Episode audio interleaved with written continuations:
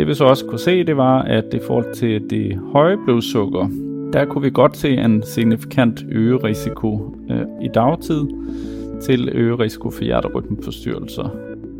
Denne episode handler om arbejdet med at forebygge hjertekarsygdomme for mennesker med type 1-diabetes. Der mangler nemlig viden om, hvorfor personer med type 1-diabetes har en øget risiko for hjertekarsygdomme sammenlignet med personer, som ikke har diabetes. Jeg er denne gang på besøg hos Per Hagelqvist, som er læge Ph.D. og arbejder som postdoc forsker ved Steno Diabetes Center Copenhagen. Per har undersøgt, hvordan akutte udsving i blodsukkeret påvirker hjerterytmen og risikoen for hjerterytmeforstyrrelser. Mit navn er Simon Brix, og du lytter til Diabetesforskerne. Og Per, tak for at invitere indenfor til en snak her. Øh, hvad er det, der motiverer dig i at forske i sammenhængen mellem diabetes og hjertesygdom? Jeg synes, øh, det der har været meget spændende, siden jeg startede i 2019 med, med min forskning, det er, at øh, vi kan se, at personer med type 1-diabetes har en klart øget risiko både for tidlig udvikling af hjertekarsygdom, også øh, dødeligheden på grund af hjertekarsygdom er også højere i forhold til øh, den generelle befolkning. Og øh, risikoen for, for pludselig død er faktisk også ret markant højere i den her gruppe sammenlignet med den raske. Men vi ved faktisk ikke helt, øh, hvorfor det forholder sig sådan, og det underliggende mekanismer. Og det synes jeg har været spændende at øh, øh, prøve at øh, grave lidt i, hvad, hvad årsagen kunne være øh, til det. Og hvordan er det så, du har, du har gjort det? Ja, så vi har lavet en del forskellige studier, men, men et af vores studier, der har vi prøvet at se, om øh, akutte udsving i blodsukker kan være med til at øge risikoen for øh, påvirkninger på hjerterytmen og på hjer- øh, risikoen for hjerterytmeforstyrrelser, som vi ved både kan være øh, akut farlige, øh, hvis det er nogle særlige former for hjerterytmeforstyrrelser. Det kan også øge risikoen for blodpropper, og derfor er det vigtigt at øh, finde ud af, hvad det er for nogle mekanismer relateret, sådan så vi måske nemmere kan øh, undgå det øh, fremover. Og vil du fortælle lidt mere omkring hjerterytmeforstyrrelse? Jeg ved, der findes forskellige udgaver af det. Hvordan, hvordan kommer det til udtryk, og, og, og, og, og hvor udfordrende er det, eller hvor farligt er det? Man kan sige, hjertet fungerer på den måde, at der er et elektrisk uh, impulssystem, som hele tiden kører gennem hjertet, og som sørger for, at hjertet slår effektivt og i en normal øh, rytme.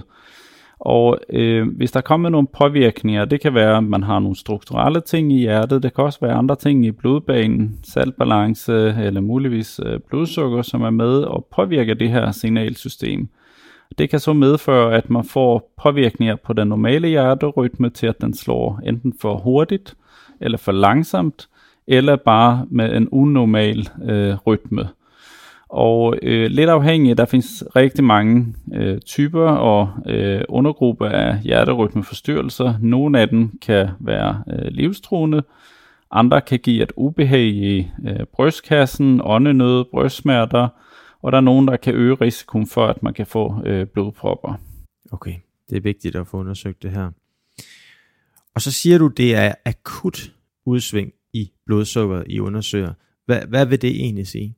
Når vi taler om, om øh, blodsukkerudsving, så kan man sige, normalt i vores øh, ambulatoriet, der øh, monitorerer vi oftest vores pas, øh, patienter med øh, forskellige blodprøver, hvor vi blandt andet kan se langtidsblodsukker. Det er jo et gennemsnit af de sidste øh, 2-3 måneder, hvor vi kan se, hvordan det har ligget i sit blodsukkerniveau. Men ved hjælp af øh, blodsukkersensorer, så har vi mulighed for at følge med næsten på øh, minutbasis, i hvert fald sådan hver femte minut, hvor vi kan følge akutte forandringer i blodsukker. Og det er så det, vi har øh, kigget på øh, i det her studie.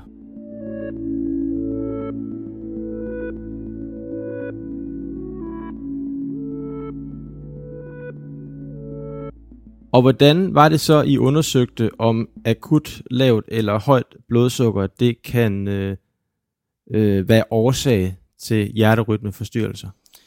Ja, så det vi gjorde, det var et øh, såkaldt øh, observationsstudie. Det betyder egentlig bare, at man følger en øh, gruppe øh, øh deltagere med type 1-diabetes i en øh, periode. Vi valgte så et helt år med 30 personer med type 1-diabetes, øh, voksne. hvor vi både øh, gav dem et udstyr, som hedder en loop recorder. Det er en lille dims eller en lille apparat, som øh, sådan staveformet, et 5-6 cm stor, som bliver indopereret under huden omkring brystbenet. Den øh, loop recorder, kan, eller hjertemonitor kan man også kalde det, den kan godt øh, hele tiden holde øje med hjerterytmen, og den er programmeret til at fange mange forskellige slags hjerterytmeforstyrrelser, altså unormale hjerterytmer. Når den så fanger en af dem, så bliver den sendt helt automatisk ind til vores øh, database, hvor vi kunne kigge det hele igennem og se, om det rent faktisk var en rigtig øh, detekteret hjerterytmeforstyrrelse. Øh, og øh, så kunne vi jo selvfølgelig, hvis det krævede en akut øh, påvirkning eller henvisning for patienten, så blev det selvfølgelig kontaktet. Øh, vi havde nogle hjertelæger tilknyttet vores øh, øh, studie, som også var med ind over, øh, hvis der var noget, der skulle øh, handles på i forhold til de her hjerterytmeforstyrrelser. Øh, i øvrigt så, øh, ud over det, øh, og den gik det så rundt med hele øh, det her 12 måneder.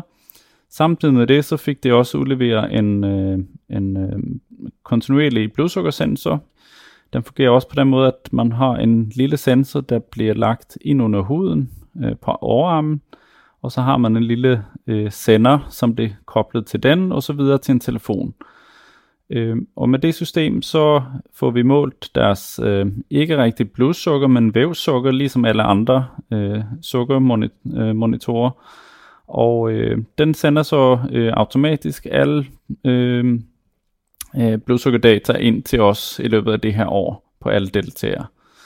Når vi så havde været igennem de her 12 måneder, så begyndte vi jo at kigge på, øh, hvor mange har haft hjerterytmeforstyrrelser, og så kunne vi rent statistisk også kigge på, hvad sandsynligheden var, at de hjerterytmeforstyrrelser, der var, at det var i forhold til øh, højt eller lavt blodsukker sammenlignet med normalt blodsukker. Så det var den vej rundt, i, øh, vi kunne sammenligne, om der var en øget risiko. Hvad kunne I så se? Det vi kunne se, det var, altså vores primære formål med studiet, det var at kigge på det lave blodsukker, om, om et øh, lavt blodsukker kan øh, associeres med hjerterytmeforstyrrelser. Okay. Det vi kunne se, det var, vi, vi delte det også op i at kigge på, om der var forskel på øh, dagtid og nattid. Øh, det gør man ofte i den her slags studie, fordi der kan godt være forskel afhængig om vi sover eller er vågne. Vi kunne ikke se nogen sammenhæng om natten, der så vi ikke nogen øget risiko for hjerterytmeforstyrrelser. I dagtid kunne vi godt se en, en klar tendens til en øget risiko for hjerterytmeforstyrrelser, forbundet, altså associeret til lavt blodsukker. Men i og med, øh, man øh, i det her, øh, altså som altid laver man øh, noget statistik, og der taler vi ofte om, det skal være øh, signifikant, det vil sige, så tror vi mere på det, øh, og vores tal var tæt på at være signifikante, men ikke helt, så vi kan ikke helt 100% sige, at der er en sammenhæng, men, men der er øh, muligvis en tendens til, at lavt blodsukker kan associeres til øh, hjerterytmeforstyrrelser. Okay. Det vi så også kunne, øh, kunne se, det var, at i forhold til det høje blodsukker, der kunne vi godt se en signifikant øget risiko, øh, også i dagtid, til øget risiko for hjerterytmeforstyrrelser øh, øh, i, i det her studie. Og hvad siger de resultater der? Jamen det siger mig øh, nok øh, øh, flere ting. Altså man kan sige, det vi kunne se på de her 30 deltagere, vi har med i alt, så var der øh, 12 af dem, der udviklede hjerterytmeforstyrrelser i løbet af det her år. Øh, så slet ikke alle, og man kan sige, at alle sammen har haft episoder både med lavt og højt blodsukker. Og så er der kun nogle af dem, øh, som øh, har udviklet hjerterytmeforstyrrelser. Nogle har haft rigtig mange, nogle har kun haft en enkelt. Så det har været en stor spredning i øh, hvor mange der har haft påvirkning på deres hjerterytme. Og det er jo meget interessant, fordi der er rigtig mange ting, vi ikke ved, og selvom der helt klart tyder på, at øh, øh især højt, men muligvis også lavt, kan være en bidragende faktor til, at det udvikler hjerterytmeforstyrrelse, så er der mange andre faktorer, vi ikke kender til. Øh, og det er helt klart noget, der øh, vi bliver nødt til at kigge videre på, fordi det, der er vigtigt, det er jo, at øh, hvis vi kan undgå Først er det jo at forstå, hvorfor er det, de her personer har en øget risiko for hjertekarsygdomme generelt, men især øh, hjerterytmeforstyrrelser. Når vi forstår de mekanismer bedre, så er det jo også nemmere for os at øh, vejlede vores øh, klinikere og patienter til at undgå netop de situationer. Mm. Og øh, der kommer vi jo også lidt ind på øh, det her med, at øh, øh, behandlingsmæssigt, så sker der rigtig meget inden for øh, sensorer hos øh, personer med type 1 diabetes, og det bliver bedre og bedre til at få en større mængde af sine blodsukkerværdier inden for normalområdet. Mm. Og det er helt klart noget, som, som, øh, har en, øh, som, som vi i hvert fald tror har en rigtig gavnlig effekt på, på hele hjertekarsystemet, men også i forhold til det her med hjerterytmeforstyrrelser. Ja. Ja, for jeg skulle lige til at sige, altså der er jo mange, som allerede har de her blodsukker øh, sensorer, som, som kan måle blodsukkeret, øh, og man kan jo også få insulinregulatorer, insulinpumper og sådan noget. Øh, hvorfor er det egentlig ikke nok til at stabilisere blodsukkerne så meget hos personer med type 1 diabetes, at man ikke ryger ud i de her ja, situationer, hvor man kan være i risiko for hjerterytmeforstyrrelser? Ja, det, det er et rigtig godt spørgsmål, og man kan sige, vi kan jo se på mange af dem, der faktisk var med i vores studie, de havde faktisk også sin egen blodsukker, altså sin private blodsukkersensor, og det måtte de gerne i løbet af studiet. Så på trods af, at de havde det, så kunne vi alligevel se, at der var mange, der havde øh, både en del høje og lave blodsukker. Og det viser jo øh, egentlig bare, at det er rigtig svær sygdom at håndtere, øh, så selv med, øh, med de her hjælpemidler, så kan man ikke helt undgå det. Mm. Men man skal også huske, at altså, det her studie blev lavet i øh, 2020 og, og 2021, og øh, efter det, så er det sensorer, der var på markedet dengang, det er blevet øh, endnu bedre, mere præcise og nemmere at bruge.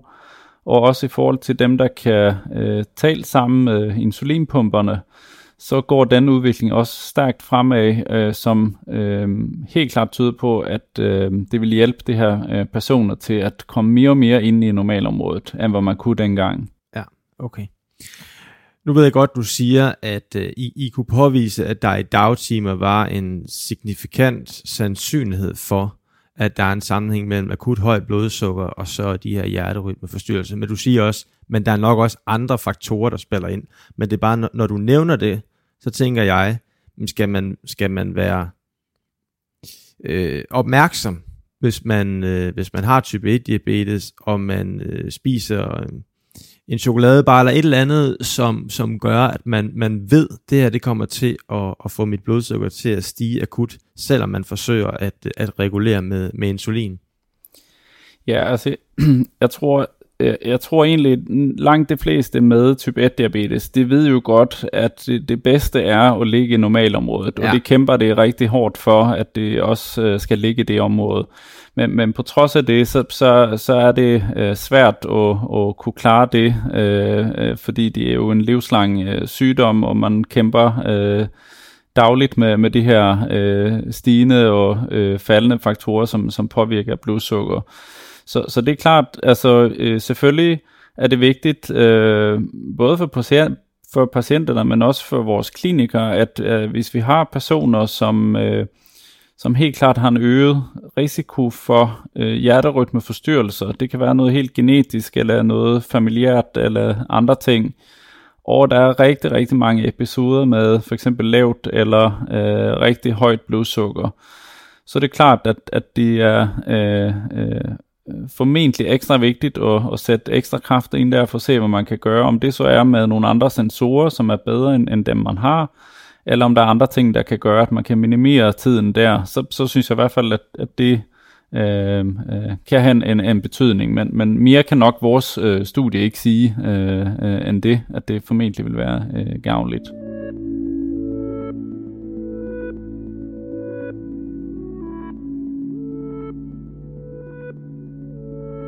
Hvad er øh, potentialet, vil du sige, i det projekt, som, øh, som du har været med til at lave her?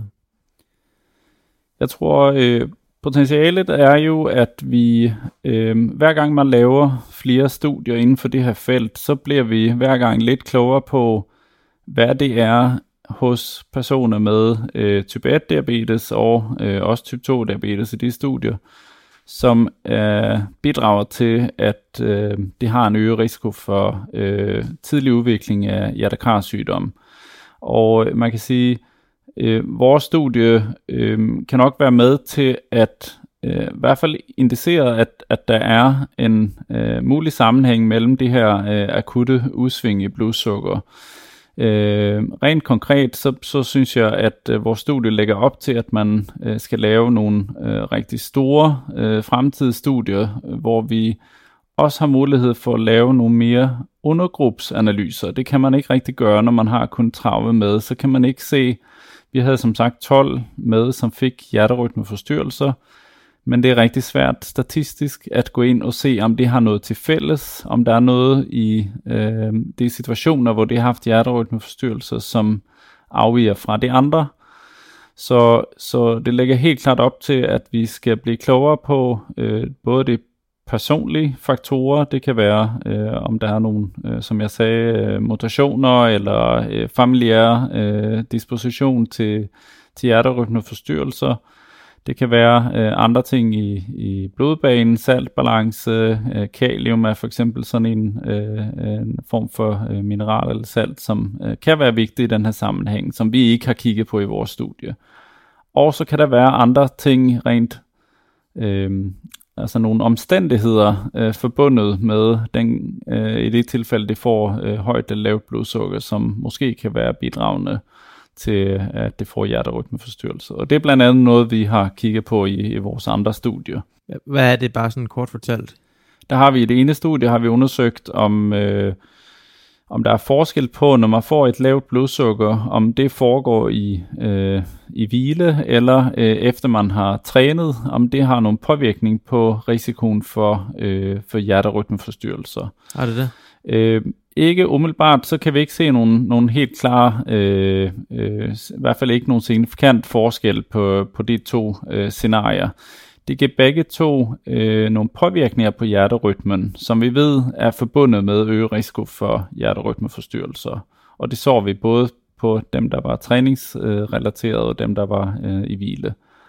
Og det vil så også et andet studie, som vi er i gang med at kigge på, på nu, hvor vi ikke har øh, helt færdige data, det er om en, et, et hurtigt faldende blodsukker fra et højt til et øh, normalt niveau om det i sig selv også kan være med til at aktivere nogle af vores øh, hormoner eller stresshormoner, som vi ved kan være øh, vigtige i forhold til øh, hjerterytmeforstyrrelser. Så det er vi i gang med at, at kigge på nu, om der er en sammenhæng der. Okay, men bare lige i forhold til det, til det første øh, ekstra studie, som, som du nævnte der, hvad, hvad, hvad er det så lige helt præcis, det betyder i forhold til træning, at man, man, der, man skal ikke man skal ikke være nervøs for at træne. Nej, man kan sige, øh, generelt så er det jo rigtig godt og sundt at træne, og det ved vi også i forhold til, til hjertet, at det anbefaler vi øh, til øh, alle, både med og uden øh, diabetes, fordi mm. det forebygger hjertekarsygdomme. Mm. Det vi, det vi kunne se, det var, at øh, øh, det er jo øh, primært øh, det lave blodsukker, som er det, der giver øh, den her øge risiko for øh, øh, altså nogle indirekte forandringer på hjerterytmen, øh, mm. som vi ved, øh, i hvert fald på et teoretisk plan, kan øge risikoen for hjerterytmeforstyrrelser. Så det var ikke sådan, at vi kunne se en direkte under vores øh, øh, studie der, at det fik hjerterytmeforstyrrelser, men det fik nogle forandringer på hjerterytmen, som vi også kender fra tidligere, når vi har kigget på lavt blodsukker men der var ikke nogen stor forskel på, hvor udtalte de forandringer var, om det var foregået af, af hvile eller, eller træning. Det lyder som om, at øh, I laver mange studier i det her, og øh, at det er et øh, fokusområde. Øh, tør du gætte på, øh, hvor, hvor meget I ved øh, om en, en, en overrække, og, og hvor stor gavn det i så fald kan have for, for de her personer med type 1-diabetes, som, som vi snakker om? Altså det jeg tror og, og håber, det er, at øh, det vi jo kan se nu, det er, at øh, der, der sker noget øh, stor teknologisk udvikling generelt i samfundet, og der er mange, der går rundt med mange forskellige monitorer. Det kan være øh, smartwatches, som kan øh, holde øje med øh, hjerterytmen, øh, og også faktisk øh, detektere nogle hjerterytmeforstyrrelser. Og der er rigtig mange med vores øh, patienter med, med type 1-diabetes, som, som har de her øh, øh, blodsukkersensorer. I takt med, at der er flere og flere, der går rundt med de her øh, monitorer, som kontinuerligt samler data ind, så har vi også mulighed for at på sigt lave nogle meget, meget større studier, som gør, at vi meget mere sikkert kan sige noget om en sammenhæng mellem øh, forandringer i blodsukkerniveauer og påvirkning på, på øh, hjerterytmen og hjertekarsystemet. Så det, det, øh, det tror jeg helt klart, at det kommer mere og mere øh, nogle af det lidt større øh, studier, fordi mange af dem, der ligger øh, både vores og øh, andre forskningsgrupper, som har kigget på det her, så, så øh, både af praktiske og økonomiske årsager, så, så er det rigtig svært at lave den her slags studier på et øh, rigtig stort antal øh, patienter. Så det kræver nogle andre øh, teknologiske øh, løsninger, og det, det tror jeg helt klart kommer. Og tror du også, de her sensorer og insulinregulerende øh, midler bliver bedre og bedre efterhånden, som tiden går, som der faktisk vil være færre, øh, der oplever de her store, sådan akutte udsving i blodsukkerne? Ja, det, det tror jeg helt klart. Det er i hvert fald helt klart det, vi kan se øh, fra dengang det, det startede øh, her for nogle år tilbage. Så er øh, den øh, mængde eller tid, man har i, i normalt blodsukker, er blevet bedre med, med de nye, og antallet af lave øh, blodsukker er også blevet færre øh, med de nye sensorer. Så det er helt klart en, en rigtig god øh, effekt der. Og der kommer jo også, øh, man kan sige, der er ikke så, indtil videre er der ikke så mange andre øh, behandlinger end insulin til den her øh, patientgruppe, men insulinerne ændrer sig også til at blive mere og mere stabile, og øh, der kommer også flere, som øh, man kan tage øh, på ugentlig basis i stedet for dagligt, og dermed også kan øh, minimere øh, påvirkningen i dagligdagen for de her patienter, og måske holde mere stabil blodsukker. Okay. Hvad er det vigtigste, du har lært ved at arbejde med det her område?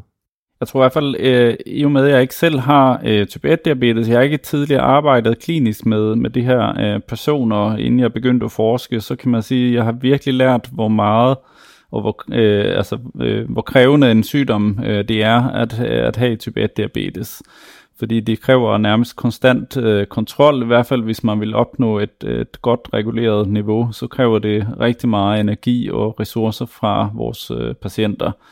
Så, så øh, det er helt klart en, en udfordrende øh, sygdom på den måde, og som vores studie og mange andre har vist, at der kan både være nogle risici ved, ved det lave ved det høje blodsukker, øh, og øh, jeg har også lært, at øh, øh, vores, øh, øh, til os der ikke har type 1 diabetes, har en velfungerende busspurtkirtel, så er det jo et, et, et øh, rigtig, rigtig fint reguleret system, som øh, har mulighed for at holde os inden for normalområdet, øh, området, øh, uden at vi får det her øh, rigtig store udsving. Og, og det viser nok bare, hvor... Øh, øh, ja, hvor god naturen har været til, til at øh, få lavet den her øh, regulation, fordi det er så svært for os at, at efterligne det, selvom vi bliver øh, bedre og bedre. Mm, mm. Det er godt at vide i hvert fald, at I er nogen, der arbejder på at blive bedre til det her. Øh, tak for at fortælle om din forskning. Selv tak. Det var de sidste ord i denne episode af Diabetesforskerne. Husk, at du finder alle episoder fra denne og de tre første sæsoner i enhver podcast-app. Du kan også læse mere om diabetesforskning på de syv Steno Diabetes Centers hjemmesider. Mit navn er Simon Brix. På genhør.